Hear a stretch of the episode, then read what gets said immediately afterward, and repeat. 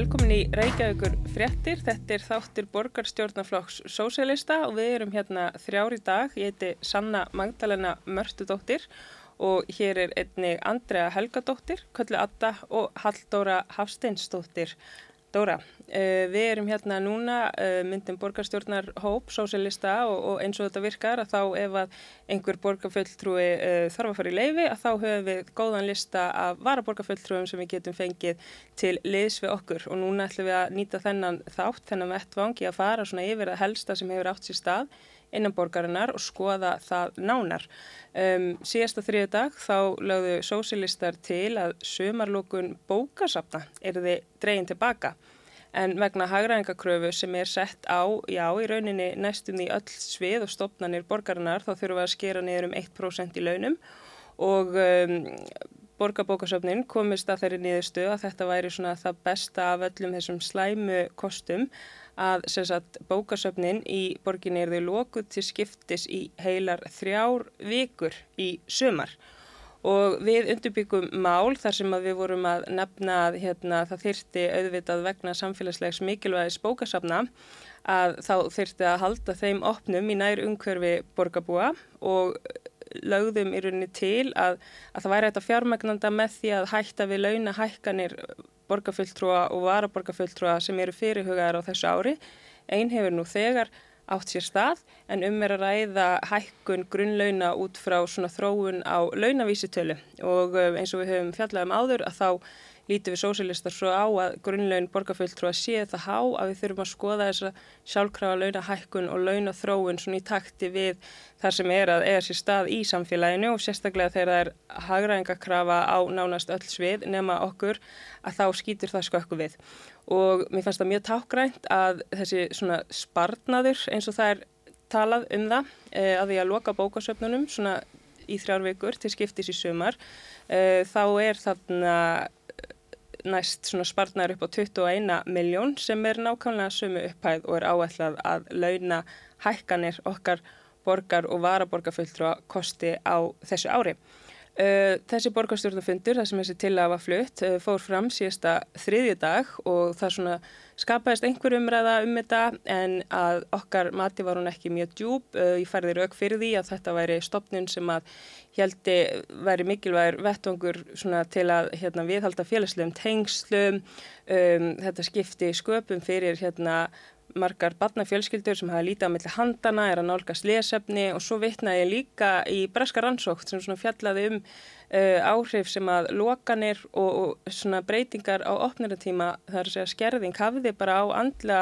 líðan fólks og félagslega líðan og það var mjög sláandi einhvern veginn að nefna þetta og fá síðan tilbaka svör frá fulltrú og meiruflutana að það væri búið að uh, huga því að þessi útfersla á lokum bókasafnana erði um,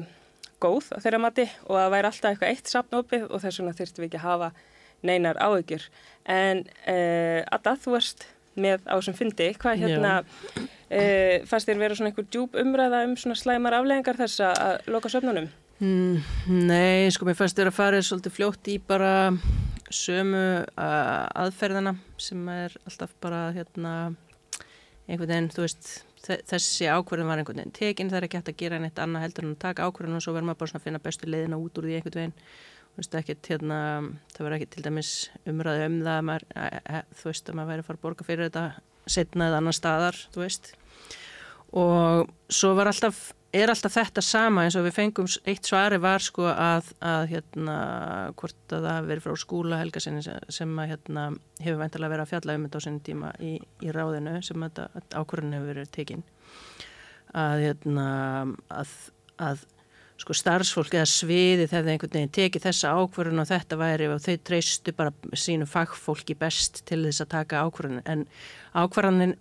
þau taka náttúrulega ekki pólitíska ákvörðun um það að skerða skilur, það eru pólitikinn sem tekur ákverðan um að skerða hérna fjöð og segir því verðið að skera niður svona og svona mikið. Þannig að það er hérna mér fyrst svolítið lélegt að láta starfsfólk eða fagfólk sem er vel meinandi ta taka á sig ábyrðan fyrir því að hafa gert einhverju svona ákverðin eins og þetta er, ég menna þú, þú getur sagt hérna manneski sem á ekki að fá neitt að borða skilur, þú, þú getur fengið hérna bara þurft gamalt brauð eða þá þú getur bara fengið bara einu teski að smjöri og svo, þú veist, á að, að réttlæta það að manneskjan hafi ekki borðað neitt í heilan dag með því að hún valdi sjálfa að borða bara eina deskiða smjöri. Þú veist, það, þetta er svolítið, þetta er svo á haus hérna rauksendafæsla finnst mér sko. Emmett og eins og kom fram eins og til dæmis í viðtal við hérna hún Barbara Guðnadóttir, sapstjóri var hérna hjá okkur á samstöðinni fyrir einhverju síðan og hefur komið fram líka ofinberlega í fjölmiðlum og þá kom fram að af svo litla taka af öllum þessum verkefnum sem verður að gera það er ekki eins og uh, borgarbókasöfnin séu bara eitthvað sólunda með fyrir almennings. Þannig að það er alltaf þessi stanslösa hagraðingakrafa á þér að þá bara í hvað átt að, átt að klippa sko. Nei, og þetta er líka bara út um að skera niður í bara einhvern veginn í hverju einustu umferð þá er bara að þú veist ok, nú ætti að skera bara eitthvað aðeins meira og aðeins meira. Enda náttúrulega á því að, að þar sem þú ert búin að skera mest, þú ert bara búin að skera alveg neyra beinu og beinagrindin eftir og nú er þetta bara fann að kroppa í einhver, einhver svona mikilvægt eins og sínar og svona beinum fara dætt í sundur og, og hérna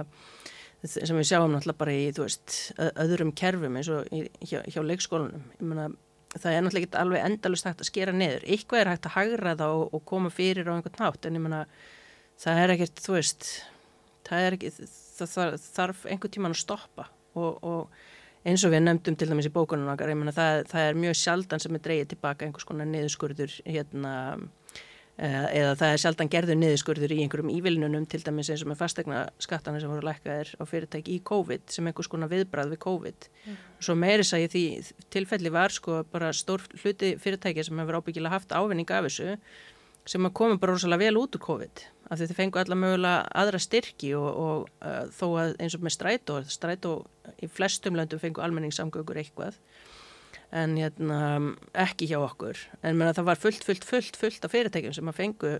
mjög ríkulega útborgað og, og hérna maður svona,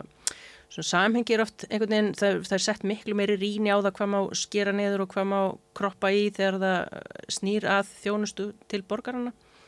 um, og það má hekka gældskráður svona það, það, það kemur einhvern veginn aldrei til tals að draga tilbaka einhvers konar hérna ívilinanir í áttina að, að hérna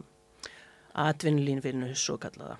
Og rétt að minna á að Sveitafjölinn eða Reykjavíkuborg einu sér er að verða af 500 miljónum króna ár hvert vegna þess að hún ákvæði kjölfar COVID að lækka fastegna skatta á atvinnlífi eins og nefnir. Mm -hmm. um, fyrir þau sem eru kannski að byrja að fylgjast með þá er hérna bókun, það er svo að uh, við höfum tækifæri til þess að sagt, koma okkar skoðun, einhver svona hérna, stuttmálskrein, nokkra setningar sem við getum nýtt til þess að hérna, láta fylgja með okkar skoðun á atkvæðagreyslu á málum mm -hmm. svona til útskýringar og hvað okkur finnst mikilvægt að taka fram í því og þá, mm. þá er hægt að lesa svona fundagerð og sjá bara já Uh, þessi feldi þessa tilögu með þessum lélegur eða þau sem fluttu tilöguna telja mikilvægt að gera þetta að því að og þá höfum við aðna smá tækifæri til að útskýra okkar afstöðu mm. mm. Þetta er svona eins og lítið leifilýsing yfir hérna, stundu það maður að setja hjá með mál þar sem maður er svona í rauninni kannski fylgjandi að einhverju leiti en það er eitthvað sem er svona algjört nei sem fylgir því og þá hérna getur maður nota, nota sérst, bókun eða, eða þessu svona yfirlýsingu til þess að lýsa því á hverju þetta byggir einhver, einhver önnur ítalegri skoðun sem maður hefur á málinu, annað heldur en bara já eða nei mm -hmm. En Dóra, þú varst að sýta þinn fyrsta fund, þú byrjaði á því að fylgjast aðna með og, og svo tókstu sætið aðna í lokin þegar sér hluti fundarinn sem voru að byrja. Hvað hérna, er eitthvað svona sérstakt sem þið fannst um umræðina varðandi bókasöfnin? Helst þetta er þið öðruvísi, fleiri myndi kannski tjá sig? Ég, ég vonaði allavega að það er þið meiri hlustað á okkar rauk en mér fannst þetta svona svolítið að uh, raukin hjá meiri hlutunum og þeim sem voru búin að taka ákverðina voru ekki byggð raunverulega á þörfum þeirra sem eru að nota þjónustuna fyrir ykkar svona þörfum bara já við ætlum að taka pening af og ekki hlustað á uh, þarfir notenda og hvaða áhrif það hefur á það bæði á láttekju fjölskyldur og kannski fólk sem er jafnvel nýflutt eða eitthvað til landsins og er svona að reyna að fóta sig áfram í borginni og þarf alltaf að finna nýtt bókasafn og fyrir utan það líka að uh, starfsfólk bókasafna, það er bókasafn ég, þú veist, ég er að vinna í skóla og ég hef verið að hjálpa til á bókasafni og þetta er alveg stíft kerfi og það þarf alltaf að vera reyna hvað allar bækur eru, hvernig eru skráðar inn og út og ef að bókasafsverðurinn er ekki einn dag og þú kemur daginn eftir og þá er bara hrúa bókum og það er rosalega mikil vinna að ganga frá. Það er rosalega mikil vinna okkur meinsta degi að sjá til að kerfi virki þannig að þú getur fundið bækur og ég er ekkit alveg sem um að það verði auðvelt að mæta eftir þryggjaveikna lókun uh, á bókisafninu og eiga svo að fara að ná í alla bækunar sem voru þar og hafa verið skilaður eitthvað annar staðar. Þetta áttur að vera alveg rosalega flókið og tímafrækt og já, eitt annað sem kom líka fram uh, Stefán í Vinstri-grænum kom með uh, sumarstarfsmenn að nú hefur við verið, það er alltaf verið að tala um að vinniskólinn hann getur bara bóðið vist mörg störf fyrir unglinga á, á sumrin og svo þarf þetta bara að fara og sækja mér bónus eða eitthvað starf en uh, til dæmis starf á bókusöfni það er alveg mjög gott sem sumarstarf fyrir unglinga og borgin er ekkert mikið að spara þurfa að fara að finna önnur störf eða þá að vera með unglinga bara eitthvað starf reiki að reyna að finna sér félagsmiðstæðir og miklu gálir að nota peningi það að veita þeim störf. Það er ekki eins og það kosti mikið það er ekki eins og unglingar séu launaháir hérna í sumastörfum þetta er svona, mjög veist þetta er svona aðdeklisvert að horfa á þetta það lærði heilmikið nýtt en það væri gaman ef það væri hlusta á raugin en ekki bara svona nei það er búið ákveðið já já þú mátt alveg koma með raug og móti og mótmæla en því það er alveg þinn réttur en við ætlum ekki að hlusta á það. Það var, svona, það var pínulítið aðdeklisvert pínlítið sorglegt en mætti vera betra. Já, Já þetta er bara svona þetta er, þetta er eftir svona, maður skilur þetta ekki alveg. En hérna, já ég ætla að skjóta inn að því þú varst að nefna þetta með, þú veist að, hana, að koma tilbaka einmitt. ég rætti við manneski sem að vinnur á bókasafni og hérna hún var með að tala um, um að hérna, sömur er náttúrulega notað í mjög mikilvæga hluti meðal annars sko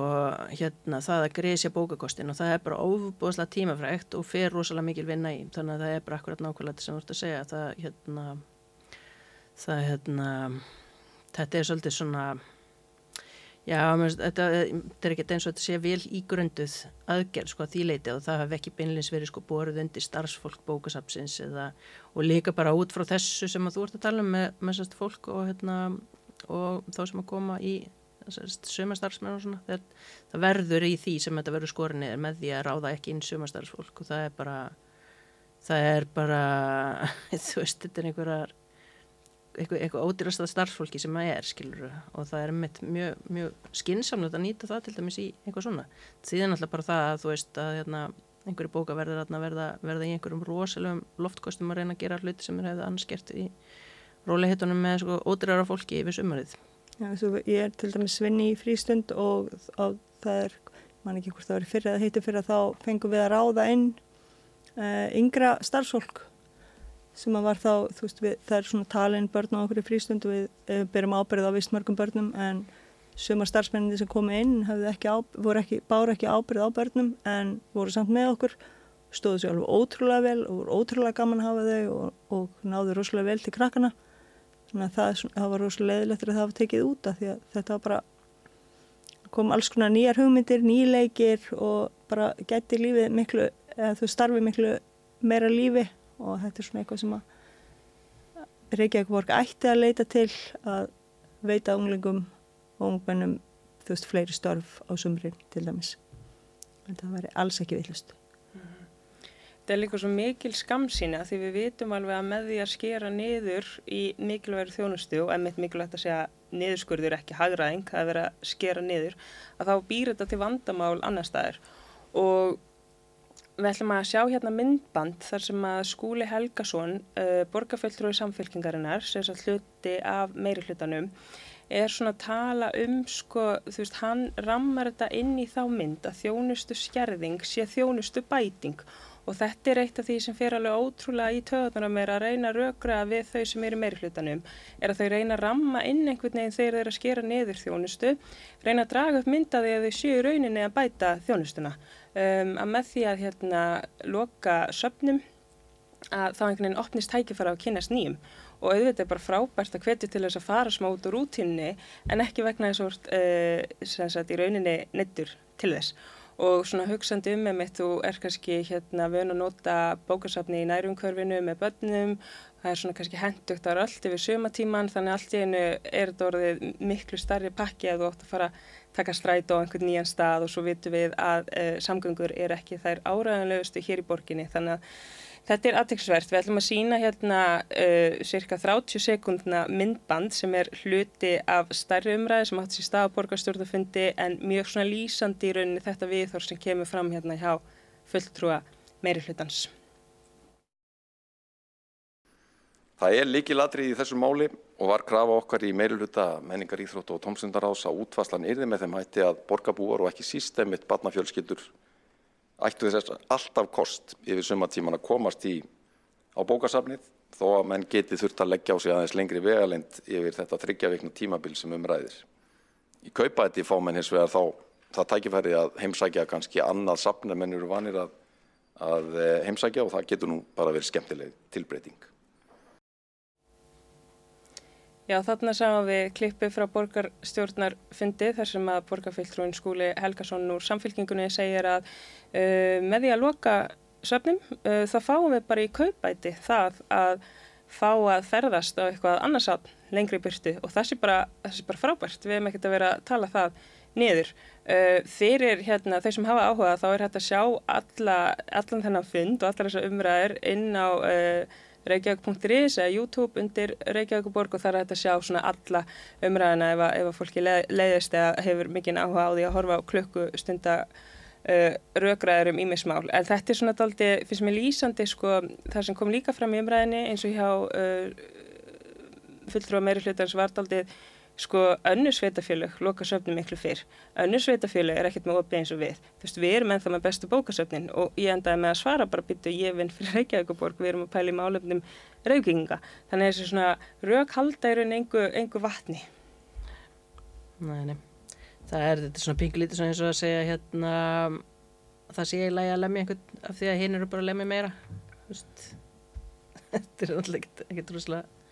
það getur svona skinsamlega rauk þannig sko menna ef að metnaðurinn þinn er að, er að vera með góða þjónustu þá ætti ekki vera að bera þið saman við þá sem að gera verða heldur en þú ætti að bera þið saman við þá sem gera betur uh mhm. -huh. Og líka bókasöfnin hafa verið atkvar fyrir bara fólk í, í samfélaginu sem að líka bara eh, getur ekki mætt annað hefur jáfnvel vani komið sína ranga til að rjúfa félagslega einangrun þannig að við höfum mikla ráðgjör á þessu. Fyrir þetta það er líka hvað bækur eru dýrar, alveg rosalega dýrar og það er ekki tægt að ætlas til þess að barnafjölskyldir með börn sem eiga viðhalda læsi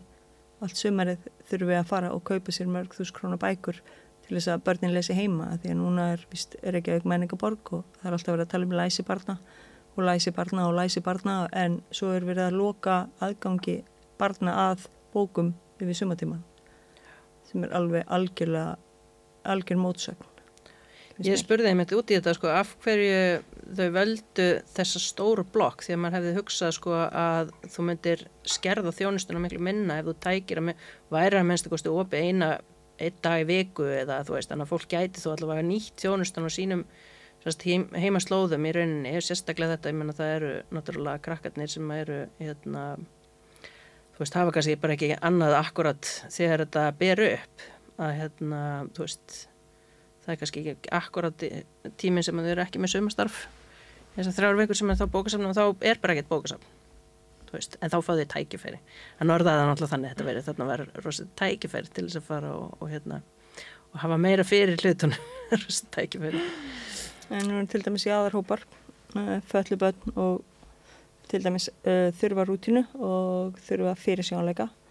og uh, það er meira en að segja það alltaf að segja til dæmis einhverju fóreldri með falla barn alltaf bara já, neini nú ferð þú bara breytir þú öllu sem að barnið þetta er vant og alltaf að fara með eitthvað allt annað og þú veist, fáðu til þess að lesa bækur sem eru teknar allt annar staðar. Það virkar ekkert svo leiðis í, í raunveruleikanum. Þetta er, maður þarf ofta að undirbúa börn og, og sína aðstæður og þegar þú ert vöna að fara eitthvað með til dæmis barn sem er bara fast í sínu rútinu og líður vel þar þá er meirinn að segja að alltaf fyrir að rýfa það í sundur og að breyta. Þetta er svona einhvern veginn forrættið á hópurinn sem að átt að segja enga veginn á um hvað eru að tala og eins og við séum bara að horfa í gegnum glugga sem er búið að byrja fyrir að reyna að skilja. Sko. Þetta er svolítið, vilja svo ekki hlusta þegar það er verið að reyna að útskýra. Þetta er einhvern veginn rosalega erfitt. Þetta er með banani í eironum eins og ég segi stundum. Það sem er bæði þetta sko með hérna út frá notendurum er það líka sko bókasafni sjálfur eru líka með sérhæfingu á hlutum. Þannig að sögum bókasafni eru með til dæmis sérhæfis í því að vera með til dæmis hérna uh, barnabækur og erlendum hérna málum og svona. Þannig að þú veist ef það hverfur alveg náttúrulega í þrjár vikur þá það var það í rauninni það sem að mér hefði fundist sko hefði verið alltaf lægi lausn ef að, ef að sko tímin hefði komið út á e, að það sama ef það hefði ekki verið sér sko þetta er svo löng blokk. Heila þrjár vikur er bara, þetta er næstu í mánuður sem er þá lokað alveg á bókasafni sem að sér hefði sér í einhverjum tegundum hérna bóka til dæmis, eða einhverju ákveðnu starfi skilur, ég meina, þú veist og, og, og aðstæðan er náttúrulega ekkit, þú veist, sama. Og eins og til dæmis, ég meina, ég veit ekki til þess ég held að sé bara eitt bókasafni í öllu breyðhaltinu og það er bara nokkuð langt í næsta bókasafn fyrir breið, breyðhaldinga sem er reysa stort hverfi. Og ef að Gerðuberg sérst, meðan það er lokað þá er bara það einhvern veginn dettur svolítið botnin úr þeim einhvern veginn þeirri þjónustu við alla breyðhildinga bara alveg. Svona ma maður hérna maður skilur ekki alveg að þann part af ákverðuninu en það var raukstutt með því sko við höfum búið þetta, við höfum, höfum bárum þetta undir okkar besta fólk skilur og þau ákvaðu þetta en ég menna en það er eins og ég segi, menna, það fer svolítið, fer svolítið eftir sko forsendunum á því hvað þú varst að bjóða þeim veist, hvað, hvað er valkostin, hvað, hvað var hinn valkosturinn Þetta er svona illusion of choice, hvort viltu fara í peysun eða buksunar á undan. Nei, nákvæmlega, sko, það, þú veist ef þú ert að, ef þú ert að bjóða upp á einhvern, einhvern ennþá meiri leiðandi hérna, sem valkost á mótið þessu, að það, það náttúrulega kannski Þú veist, ég menn þú ert búin að segja að þú færði ekki að borða í dag og svo færði að velja af þessum tveimur hörmulegu kostum og þá getur ekki sagt manneskja valdi bara að borða þetta, þú veist, af því að, að forsendunar er ekki gefnar með og það, það, hérna, er það sem ég fannst svolítið lélegt af því þessu, var, því var ekki svarað, það var bara, á, ábyrðinu var bara skellt á, á, hérna, á sviðið í rauninni eða, eða bara stjórnendurnar, ég held að það hefði meirins að mann ekki alveg orða, orðrétt. Uh, það komið svolítið, svolítið síðan en mér fannst eins og það væri sko að segja það var nánast eins og það væri sko stjórnundu bókasafnuna sjálfur sem hefði valið að gera þetta svona. Já, og það, það er þá einhver, einhver fórsenda þar á bakvið vegna þess að ég myndi ekki halda að, að, að faglögu stjóri yfir, yfir bókasafni myndi velja að hafa lokað í svona langa tími einu nema þeir varu nöðbeigði til þess að vera ekki með neina þjónustu. Já. bara yfir þryggja vekna tímabil. Mér finnst það mjög ólíklegt. Það komið með svona út eins og þetta væri allir kringum bókasafnin mjög ánæði með þetta. Sem að það er, heldur ekki vatni að því að þetta er, ég get bara ekki ímynda með vinnuna sem á eftir að taka við þegar að loksins bókisamnið opnar og þarf að fara að laga allt til eða ná í bækunar og ganga frá því Við þurfum að halda áfram að standa verðu utanum félagslegu kerfin og, og bara þessar mikilvægi samfélagslegu stopnarnir í, í borginni og líka ekki bara standa verð utanum utanum það er heldur líka að, að það þarf að efla. Þessar stofnæðinir, það þarf líka að líta til þess. Og þannig við heldum því að þetta bara áfram í okkar störfum en um, það var fleira sem var rætt þarna og þessum borgarstjórn að fundi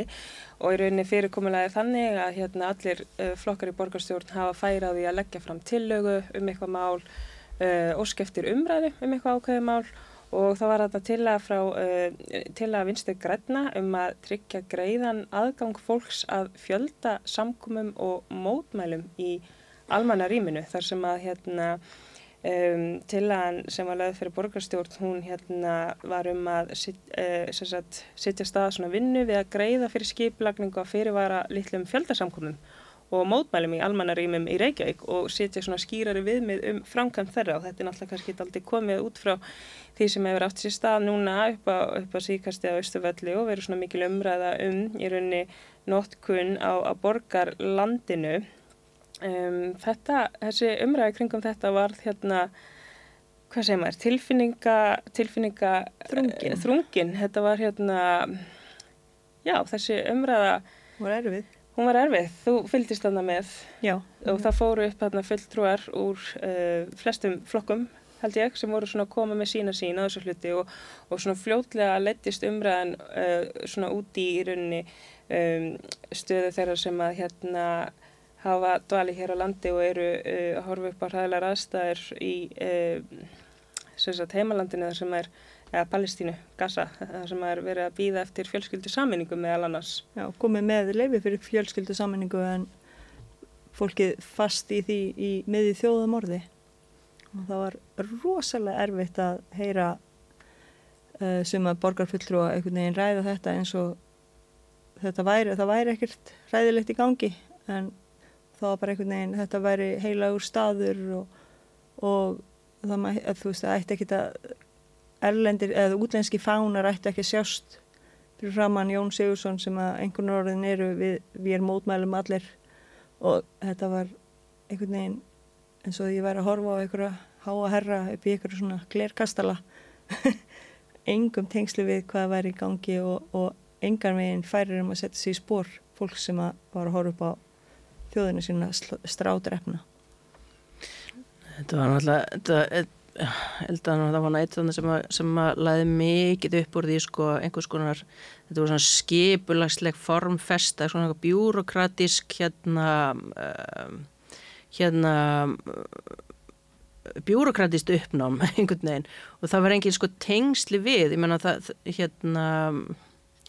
ég held að flestir getur svona valla ógrátandi einhvern veginn hugsað um aðstæðuna sem að fólki er í sem að vara þarna að mótmæla. Og hérna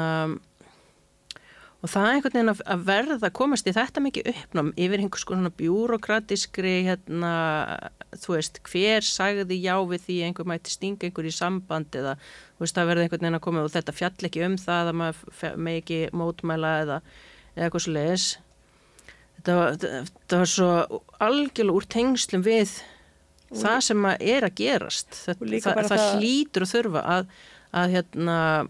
og enda voru sérstaklega flesti sem að voru að svara þarna og þá voru langt flesti sem að voru á svona þokkala skinsamlegum nótum varðandi meðal annars það bara maður mótmæli að þú veist, þú getur náttúrulega kannski heldur ekkert vera skipulegi of mikið að vera með einhver svona, já, svo, svo ætli þið að mótmæla þá verður það að fara þarna, svo fáið þið svona hérna bleikt hérna undir einhver svona form sem þið þurfa að skrifa, svo þurfa að skila á þessa skrifstofu og svo að þú veist, eitthvað svo leiðis það, það myndi vera bara einhver svona fáranlegt bjúrokratist hérna helviti að lenda í því.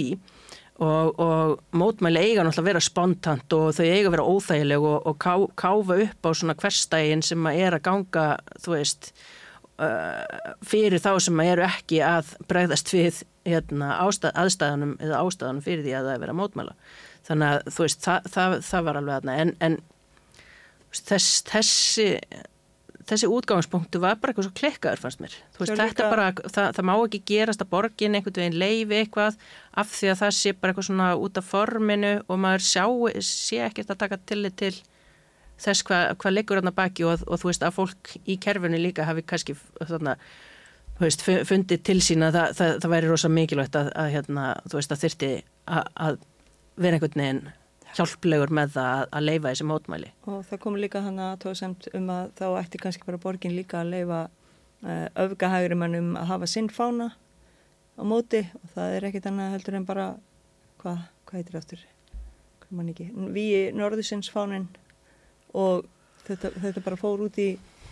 eins og ég væri að horfa hann að brá eitthvað algjörlega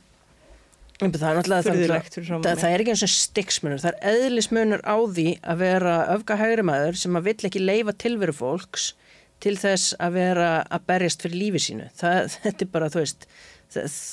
það er ekki sami hluturinn að leifa, það er ekki skoðun að vilja fá að vera til. Emi. Það er ekki skoðun að vilja fá útrýma fólki. Þannig að þú veist, þetta er bara, svo, þetta er bara kjánalegt og mann finnst það bara vandraðalegt að, fólk sé á þessum stað. Móturökinn sko að þá ætti líka að leifa þeim sem væru uh, andsnúin þessum mótmennum sem að eru núna. En hvernig er hægt að vera andsnúin því að fólk sem er búið að fá leiði fyrir fjöl, fjölskyldu sammenningu fái hana, ég veit ekki alveg er ands, hvað er að vera andsnúin því að við verum að bjarga fólki frá þjóðamorði, er það að við viljum þjóðamorð, ég veit ekki alveg ég skildi ekki alveg þann punkt að, Nei en finna, finna akkurat þessara, þess, við þessar aðstæður þá er náttúrulega sko þá eru þeir sem eru valdalöysir að mótmæla einhverju sem stjórnvöld sem er valdamesta skiluru, þegar alþengi Íslendinga er valdamesta stopnurni ennvæntalega, sem ræður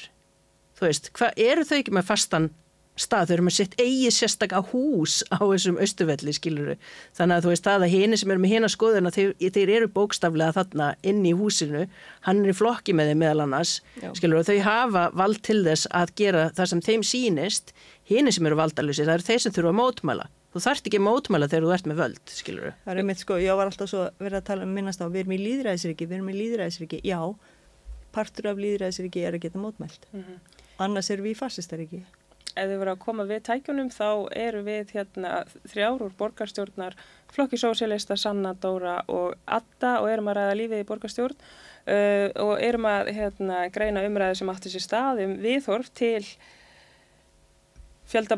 til mótmæla og við þór vissulega til þeirra sem eru með erlendan bakgrunn hér á landi. Og við ætlum að sína hérna stutt myndband uh, sem er um, stendu að lengt og þetta er frá þessum borgarstjórnarfundi sem að var fyrir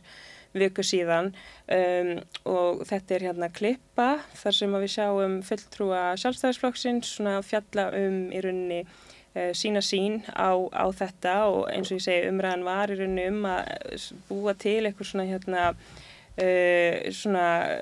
hvað segir maður, uh, svona skýr viðmið um framkvæmt mótmæla sem fara fram í almannarímum og eins og við höfum verið að fara hérna yfir þá var umræðan svona fór um, viðavall uh, skiljanlega út af því við erum að ræða bara atbyrðir sem eru svona nýliðinir en, en þetta getur hérna tekið á að hlusta á ólík, hvað segir maður, ólíka nálgun, ólík sjónamið og við ætlum að sjá hérna um, stuttaklipu sem er eins og ég segi tekin af frá fundi borgarstjórnar sem má nálgast í heilsinni inn á VF Reykjavíkur borgar. Kem hér upp bara til þess að lýsa undrunminni, undrunminni á því að ennbættismenn hér í borgarkerfunu hafi talið það vera eðlileg stjórnsísla að leifa tjaldbúðir á því svæði sem hér umræðir sem er á Östurvelli. Það sem er stittan af sjálfstæðishittju landsins Jóni Sigursinni og löggefaþingið Alþingi. Vegna þess að með því að heimila tjaldbúðir þar sem að fólk dvelst og það sem að e, e, augljóst er að fólk er að dveljast langtímum saman er gengið yfir ansi mörg mörg að mínum mati. Þá komum við að einum kjarnar hérna sem er sá að okkar stjórnskipan Hún byggir á því að einstaklingurinn nýtur réttinda og það er mjög mikilvægt í líðræðisríki að fólk hafi heimil til þess að andmæla, mótmæla og sína líðræðislega skoðun sína með ýmsum hætti. Það er grundarlar atrið. Um það er ekki deilt. Já, þarna sáum við uh, fulltrúar sjálfstæðisflokksins Helga Ás Gretarsson og sáum hann að klippu úr hérna frá borgarstjórnarfundunum yfir þessum umræðum og þarna, já. Þarna kemur fram sjónamið. Sko, þarna kemur fram sjónamið. Þarna kemur fram sjónamið að uh, húnum finnst rosa flott að fólk, fólk mótmæli ef það mótmælur á réttum stöðum og þar sem að hann verður ekki varfiða og þar sem að trublar ekki hans líf kannski. En ég reyndar skil ekki alveg hvernig þetta kann trubla hans líf. Og þetta er eitthvað svona meinloka að þetta sé eitthvað rosalega heilagur staður hérna og þetta sé allt svo heilagt á alþingi en ég get ekki alveg sagt að, að það sem hefur gerst á alþingi síðustu ár síni að alþingi sé eitthvað mikið heilara heldur en margt annað. En allavega já, þetta er svona fólk má mótmæla ef að ég verði ekki var við það sem er svolítið skrítið komandi frá einhvernum sem er í valdastöðu og hefur áhrif. Nei og svo, svo hjekk ég svolítið á þessu þessum orðum hans um það eins og þegar hann segir þarna um það er ekki deilt. En það getur, það má alveg deila um það hversu auðveld eða hversu hérna óhulltur maður er ef maður mótumælir mikið. Og fólk hefur nú alveg lent í því sko og það, það svona hérna um, er uh, hlutur sem að gerðist alltaf mikið á, á tímabili bæði fyrir þau sem að hérna hérna svokölluðu hérna hvað voru, hvað voru þau kölluð hérna? Sjumenningarnir, nei nýmenningarnir Nei, ég er nú bara að tala um sko mótmælendunar sem að voru alltaf kallaði sko þeir vera á launum að mótmæla. Hérna, og, og þú veist að það, var, það er alveg fólk sem að var offsótt það var offsótt af laurugluna, mátti nánast ekki lappa niður götun, það var alltaf verið eitthvað neðan að vasast í því. Það, það er þarfir utan er sko mjög mikil hérna hana, það er sókn sko gegn borgarlegum réttindum um mótmæli og um verkföll og um allt, öll mögulega önnur tæki sem almenningur hefur til þess að sko taka völdin aftur vegna þess að sko í líðræðisækinu þú veist að ámaður bara að fá sko þeirra svona uppáhalds líðræðisæki þá ámaður bara að fá leifi til þess að sko kjósa. En þetta er alltaf einhvern veginn það, þegar það á, á virkilega að, að síðan að halda stjórnvöldu við efnið, að þeir standi við það sem þeir að segja, þeir fari eftir því sem að hérna, þjóðum vill eða, eða sérst, eitthvað og þeir þeir kannski skiptum kúrs alveg á mið, miðri, miðri leið eða gera eitthvað sem er of hérna, hérna neikvætt eða, eða vond fyrir, fyrir almenning að, að það er verið að taka þessi réttindi tilbaka. Það er verið að banna fólki um e, viðsvegar um vestrana heimina að sapnast saman. Ég meina það er bara bókstaflega verið að lemja fólki eða fangelsaða fyrir minnstu sakir og, og, og þar er bara skilur, það er, það er deilt um það skilur og það er fólk sem að lendir í því að fá ekkert að mótmæla í friði til dæmis. Þannig að þetta er náttúrulega bara raung fullring um það er ekki deilt, jú, það bara er bara heilmikið deilt um það, að það sé bara í lægi að maður fái yfir höfuð að mótmæla eða, eða, eða snúast gegn valdinu og mótmæla því að, að, hérna, að það sé valda yfir mann Já, nú er ég búin að vera í svolítið mörgum mót, mótmælum og mér finnst alltaf uh, vera aukast uh, viðvera lögurglumanna sem er svolítið sérstætt stundum eins og til dæmis daginn fyrir uh, það sem unglingarnir fórunir í bæ, frábæri unglingarnir okkar sem ég er ótrúlega stolt af. Skólaverkfall. Já, daginn og undan þá voru við þar og þetta byrjaði með nokkra og svo var bara komið vekkur af lögurglumannum við all, milli okkar og allþingis en við vorum ekkit að ógnuðum engum, vorum reynilega bara svona í ring að þú veist, einstöku sinu snýrum okkur að allþingi það var engin ógnandi þó að maður kalli, þó að maður ekki ógnandi. Og svo var til dæmis einn ein lögurglumar sem tók myndir á mótmælendum. Mm. meðan þeir voru flest allir með svona grímur fyrir og svo ég verði að segja, ég, ég flissaði svolítið þegar að fólk var að fara af mótmælendum og lappa með hinn með við alþingi, þá var svona gengið á eftir þeim til þess að passa í keminu ekki ofna álalt húsinu, þessu heila húsi. En mér finnst þetta svona einhvern veginn vera bara svona veggur þannig að nei við ætlum ekki að hlusta á ykkur. Það sem þið eru að segja við erum hérna inni og það skiptir einhver máli hvað þið segið núti að því að þú veist, við ráðum. Við þetta að vera að koma alltaf svona sterkar og sterkar fram. Eins og síndi sér líka daginn eftir í unglinga hafna mótmælunum sem á handtökunni. Já. Ég menna þar ertu aftur með bara svona þú veist, en er dilt um það með mótmæla skilur, þú veist Sum, sumir eru bara handteknir ef þeir sjást einhverstað nálut mótmælum. Þeir þurfu ekki eins og vera nálut mótmælum til þess að vera að lenda í einhverju hérna þú veist um, og svo er náttúrulega bara þetta þú veist, ef þú ert ætlar að reyna að ríkja í einhvers konar vamleysi að þá hérna, þá ferða að sjá oknir í hverju, hverju hérna húsaskoti þannig að það hefur í rauninni sjálfur sér ekkert með mótmælendunar að gera sko, það er ekkert endilega neyn sérstök tengsli millir þess að það hafi orðið einhver okn samfélaginu hafi orðið einhver okn af mótmælendum. Til þess að það hafi verið gerð sagt, svona skorun upp einhvers konar herur gegn frelsi fólks til þess að mótmæla. Við ætlum að sjá eina klippu í viðbót, uh, síðasta klippan í dag, rétt undir tveimur mínutum úr þessum umræðum sem að voru í, í borgarstjórn um, og sjáum hérna þar sem að kom fram hérna þetta bútur úr, úr því sömu, sömu ræðinni sem að hérna vorum að horfa á áðan hérna klippa úr borgarstjórn frá fulltrúa sjálfstæðisflokksins. Það sem ég vil bara segja hér er að hver svo sem er að mótmæla þá tel ég það vera óeðla stjórnsýslu halvur Reykjavíkuborgar að leifa uh, fólki að dveljast á austurvelli með þessum hætti sem að umvara ræða í þessu tiltekna tilviki. Vegna þess að það er fullt á öðrum úrraðum til svo að mótmælendur geti komið sínum uh, bóðskap á framfæri. Ég er hér ekki að taka neina afstöð til þess hvað uh, mótmælendur voru að reyna að koma á framfæri og þeim var frjálst að mótmæla og koma sinni skoðan og framfæri í líðræðisríki. Það er mjög mikilvægt. Sá réttur er stjórnarskar varinn og mjög mikilvægt að halda vörðum hann. Það sem ég er hér fyrst og fremst að tala um er að taka ákvörðun á þessu tægi, sínir gildismat sem ég í grundallar atriðum er ósamala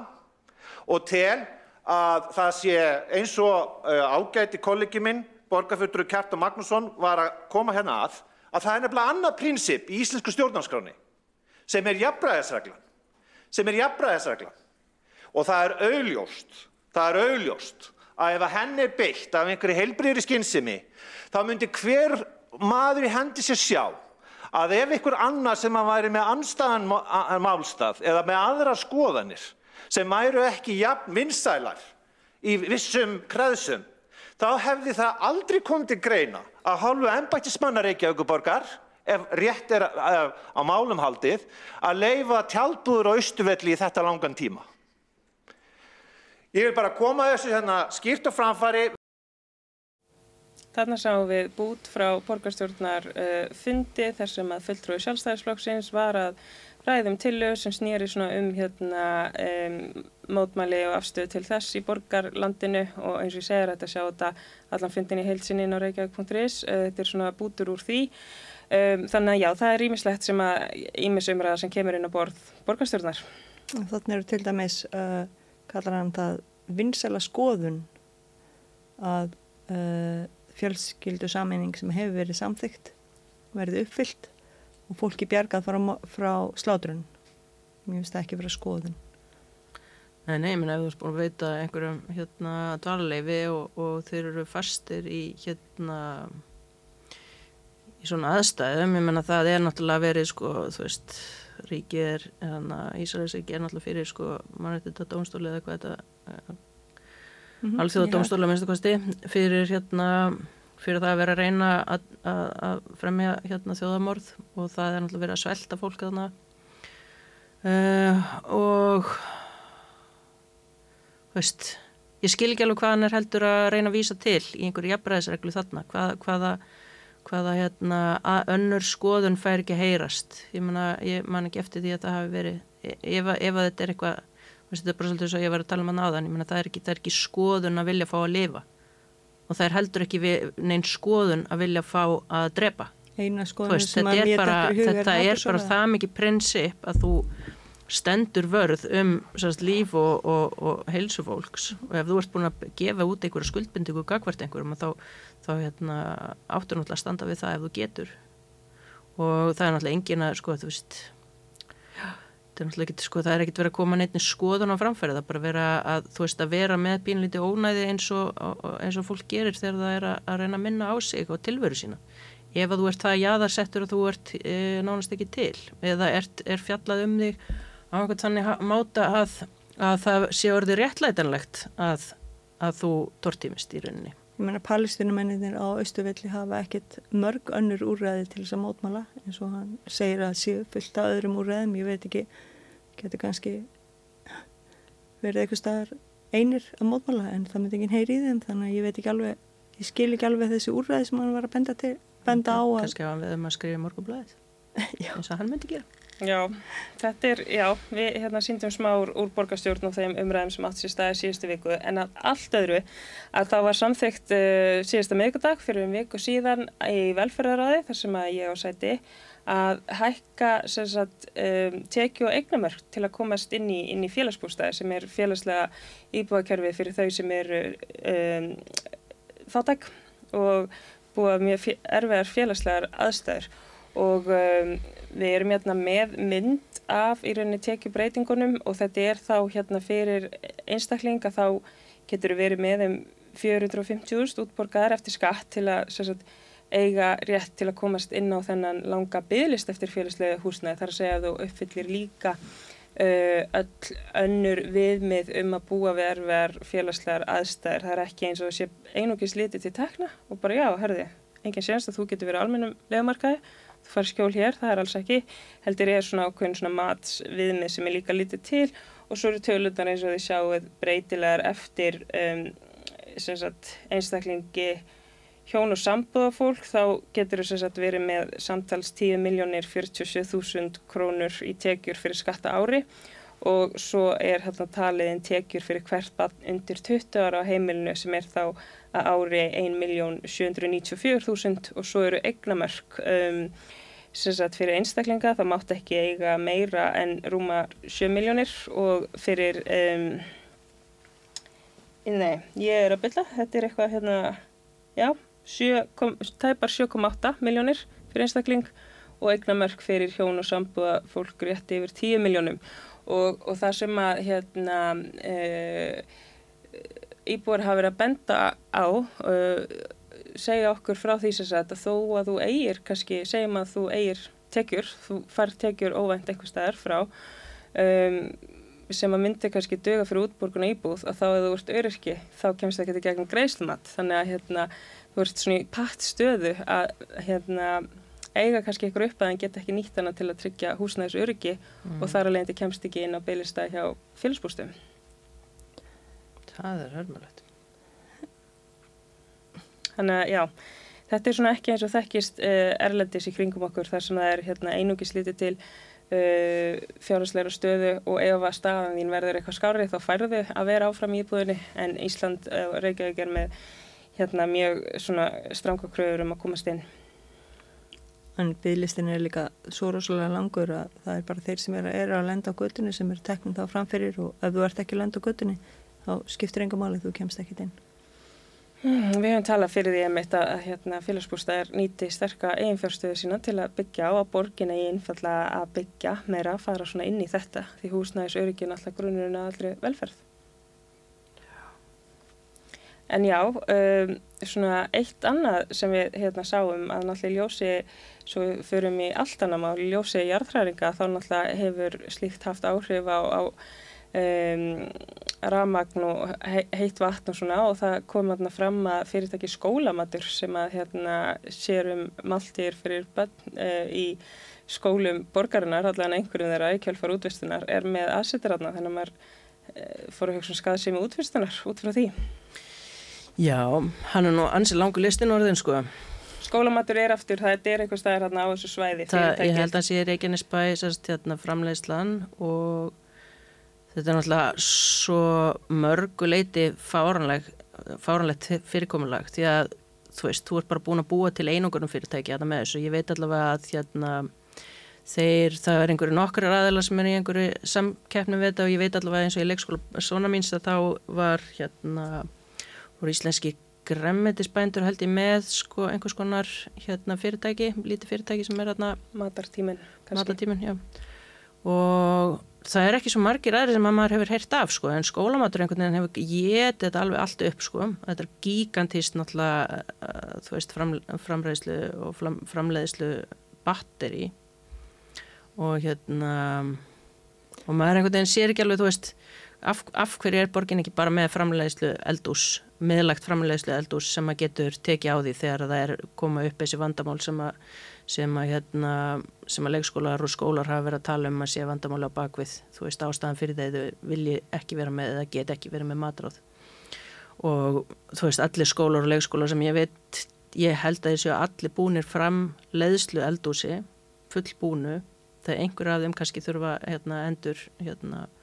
endur nýjun á því en ég held að þessu öll sérst, búin sérst, fram leðslu eldúsi Mjög förðilegt að það eigi að vera ódýrar að elda þetta hann klukkan, ég held að elda klukkan 5 á mótnana svo er þetta keirt í einhverjum hýtakössum það stendur maturinn þanga til í hátteginu ég hef sjálf reynsla á skólumat og það er fiskur er ekki mjög góður hann er eldað klukkan 5 og gemtur í hýtaskáp fram á háttegi, þetta er allavega sagt. Það er svona þetta er, þetta er rosalega fyrðilegt fyrirkomulega og það þarf að koma með diska og, og þetta er einhvern veginn ég get ekki skilið sparnaðin í þessu Nema ég er ekki sparnaður. Þa, það er sko fullir sem ég hef frá manneski sem er með frá, frá fleiri heldur en einum reyndar sem, sem að hafa verið og það er ekki ástæðan fyrir þetta sé ódýrar sem að þið velja þetta. Það er út af öðrum ástæðum og það er út af því að það sé sko erfitt að fá matráða sem geta séð um allar hérna floknar fæðu þarfir nú er svo sem fyrir mig tillegu um það að þú veist ef maður færi og, og hérna og væri til dæmis með hérna að mestu leiti vegan matsæl þá ertu nú búin að útiloka ansi stóran hluta af þessum floknum fæðuþörfum. Það kannski kemur inn í frekar ef, að, ef að það er einhver ofnæmi. En ef þú ert með miðlægt eldús til dæmis fyrir Reykjavíkuborg og ég menna þá ertu með það stóra rekstra reyningu að þeir ættu að geta náð fram þessari hægraðingu sem að verður af því að vera með stór fyrirtæki í þessu. Það er ekki neinn heilbrið samkeppni á þessum markaði, það er alveg verið augljóst en það þú veist skólamandur nánast búin að geta upp all þarna, ég held að sé engin, sé orðið ekki, ekki mikið eftir af einhverjum fyrirtæki sem að ná eitthvað að vera í, í samkeppni við það. Þetta er bara basically orðið algjört einungunum fyrirtæki og menna, bara, það þarf einhver staðar að koma út arður í þessu veist, það er ekki eins og þetta sé gert til þess að vera veist, að koma út með þetta er náttúrulega fyrirtæki sem á að vera reyka með einhvers konar hagnaðsjónamið og ég menna aðal stefnan hjá í öllum hérna business management hérna kursum og stefnu og því hvernig maður reyku fyrirtæki í nútidags gengur alltaf út á það ekki bara vera með arð heldur að auka arð. Veist, það er bara, þú veist, arsemiskrafan á alltaf að vera vaksandi þannig að þú veist, alveg eins og niðurskurðakrafan er hjá okkur alltaf vaksandi þannig að hérna, það sem kemur út á hinmöndanum getur aldrei þú veist, það er ekki þjóna hérna, þeim sem að borða mandin allavega. Það á að vera svona grunn þjónustöð sem á ekki að tilgangurinn á ekki að vera að græða penning heldur, heldur að gefa börnum að borða sem kannski fá ekki góða mat heima að sér eða bara að vera veginn Við læra líka hérna, helbriðt samband við mat á að geta búið upp á fjölbreyttan matseðil það ég búin að hann hafi breyst því að ég borðaði þarna, hann var ekki mjög fjölbreyttur mm -hmm. mm. Ég ætlum að segja ykkur frá einu máli viðbót og það er til að sem að við flytjum í dag á fundi borgarstjórnar um að koma aftur með umbóðsmann borgarbúa uh, en um, það var svona fulltrúi sem að hérna, borgarbúar gáttu leita til uh, með sín mál um, og ef að þeim fannst vera broti á rétti eða eitthvað hafi ekki verið afgreitt nægilega vel þá var þetta að leita til þessu umbóðsmanns um, síðast ári, nei, síðasta kjörtímabili fyrir nokkrum árum að þá satt ákveður meiri hlutin að hérna um, gera það sem að þau kalla að samin allar eftirlitseiningar. Við erum með innri endurskoðanda, við erum með persónuvendafulltrúa og 2019-2020 uh, þá er þetta svona saminað á eitt stað um, þannig að það er einhver svona ráðgjöf við borgarbúa en það er ekki lengur svona sjálfstætt og afmarkað þar sem getur bara lappað inn og fengið að tala við umbúsmann borgarbúa sem er bara þar og engin annar fulltrúi sem að starfar fyrir borgin eða stjórnsýslu eða, eða starfar við að taka út svona úttektir á, á borginni. Þannig að við erum að leggja þetta til í dag mm. og, og hérna vonum þetta að fá jákvæðar undirtektir og höfum tekið saman svona tölfræði að hérna fyrstu tölur er að sína okkur sko þegar umbúsmaður borgarbúa var búin að sína áskýrslu og þá voru hérna komirnar e, þá var margt fólk að koma til hans og það hérna verðist hafa dreyið úr því eftir þetta var fært inn, e, inn samhliða öðrum stofnunum, ennbættum. Hvað heitir þetta batteri núna? Þetta er, er gegnsætt. Innri endurskoðun og ráðgef. Einmitt, já, þetta hljómar ekki eins og eitthvað sem, að, sem að ég myndi, ef ég væri að leita að hvert ég ætti að snúa mér og væri með einhverju umkvörtunar efnu um borgina, ég myndi frekar ringja bara í þjónustuverið orðið, þú veist, ef ég væri að leita þessu á netinu og innri, innri, hérna, innri, innra Hvað verður þetta? Innri endurskoðun og ráðgjöf. Innri endurskoðun og ráðgjöf, það hljómar eins og einhvers konar ráðgjöfafyrirtæki, skiluru, og ég, ég væri að fara að tala við þetta batteri ef ég væri KPMG eða einhvers konar, þú veist, ég sem borgari myndi ekki átta mig á þessu. Þetta er ekki nógu gegnsett, þetta er bara rosalega svona. Svo sko veit ég held ég að persónavendin hafi óska eftir að vera aðeins svona meira sér upp á, þú veist, það sé ekki hagsmunna áraugstrar og eitthvað svo leiðis, en það er sko til Um, sko þessi heiti á þessar skrifstöður er náttúrulega ótrúlegt. Fagsvið ráðgjafar. Það er að leita þángað með erindi. Fagsvið ráðgjafar það er eitthvað svona innra, maður myndi skilja það vegna þess að það væri kannski svona innra þú veist, persónavendin hún er svona, hún, hún ráðgefur líka inn, innan sérst hérna stjórnkerfisins í borginni. En þú veist, út af við gagvært borgarna, ég myndi ekki lesa út úr þessu til dæmis. Fagsvið, það er einhvern veginn eitthvað bara fyrir stjórnsýslu borgarna, ekki fyrir Það er rosalega mikið svona hugtök. Sko. Þetta, þetta snýr ekki að borgarunum og, og innri, innri endur skoðun og ráðgjöf það snýr heldur ekki út að borgarunum. Það, svona, já, það er ekki nokkur einasti maður að fara að banka upp á hjá innri endur skoðun og ráðgjöf fyrirgifið en bara þú veist, já. Ég ætla að lesa hérna uh, tvær setningar sem útskýraða þetta. Sess að nú er ég að lesa af heimasíð innri endur skoðunar og, og á þessari heimasíð Fagsvið ráðgjafar hjá innri endurskoðun og ráðgjöf, annars meðal annars ráðgjöf við borgarbúa, umbættur í stjórnsýslu og stjórnsýslu fræðslu fyrir starfsmenn borgarnar. Byggt er á þeim grunni að styrka tengsl millir borgarbúa og borgarkerfis og með því að stuðla auknu réttar öryggi borgarbúa hvað varðar stjórnsýslu framkvæmd og þjónustur Reykjavík borgar jáfnframt því að vera aðhald fyrir borgarkerfið. Við viljum bara umbærsmann borgarbúa, það er bara skýrt hvað hann er, skýrt hvert þú getur leita til hans, þetta er embætti, þú getur bara lappa eitthvað inn, mm -hmm. engar aðrar skjöstur sem tengjast uh, borgin á nefnhátt ekki eitthvað byttu. Er, ég er að koma í ráðgjöf, er það hjá einri endurskoðun, byttu, er þetta allt sama batterið, en samt er þessi umbúrsmæður að fara að tala bara fyrir mig, þetta þarf að vera bara mjög skýrt. Nei, þetta er líka, út frá yngildingu, þá er þetta tungumál alls ekki fyrir fólk til þess að skilja, þarf alveg að vera held ég svolítið inn í, í uh, svona fagmáli til þess að skilja eins og að þú meir koma og tala við fólk þarna. Það, það er mjög fráhrindandi. mjög fráhrindandi. Ég held sko, ég menna ef þú ert með um, ef þú ert með einhver, einhverja vöru sem þú vilt að fólk geti komið og, og vitir, viti af að sé til hjá þér ég meina það ferðu ekki að kalla skó eitthvað annað heldur en skó. Ég meina ef að fólk þekkir orðið skó fyrir skó að þá notar þú orðið skó fyrir skó sem þú selur. Þannig að í tilfelli umbóðsmanns ef þú vilt að hann fungir sem umbóðsmaður þú þetta ekki reyna félan vísvitandi með því að kalla hann eitthvað annað þú veist. Einmitt. ef þetta er skór þá þarf þetta að kalla hann skór skilur þetta bara er umbóðsmaður ef hann á að fungera sem umbóðsmaður þá þarf fólk að vita af því að hann sé til. Og fólk þarf að vita að það sé til umbóðsmaður og það vita allir hvað umbóðsmaður alþengis eða umbóðsmaður batna eða umbóðsmaður þess eða hins.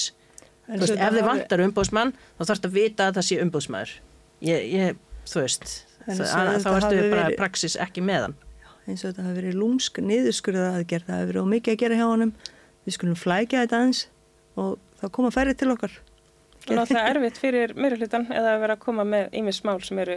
hérna vera að kvarta yfir varðandi stefnu og, og að þjónustan sé ekki að virka. Talandi um emitt skó, það eru skór, góðir skór uh, en ekki búnaðar fyrir fætur. eða hérna, já og fóta og táhulur fyrir, fyrir erfiðar auðandir aðstæður Emitt. Uh, við heldum áfram og en ekki dag. Uh, við minnum á að vera með borgarfjöldtrúar sósálista, eru með viðtalstíma alla mánudaga í bólholti 6 ef það er eitthvað sem að þeir viljið uh, segja okkur frá eða uh, ef þau þurfni, þarnist aðstóður við eitthvað og við getum mögulega hérna ítt á eftir því eða hjálpa þá endilega kíkið uh, til okkar. Það verður hérna opið hús, það er alltaf mánudum 13.30 til 14.30 í bólholti 6, 105 Reykjavík. En lengra verður þetta ekki að sinni. Við kveðjum hérna úr Reykjavíku fréttum, Sanna, Dóra og Adda. Takk fyrir að vera með okkur í dag. Takk Takk.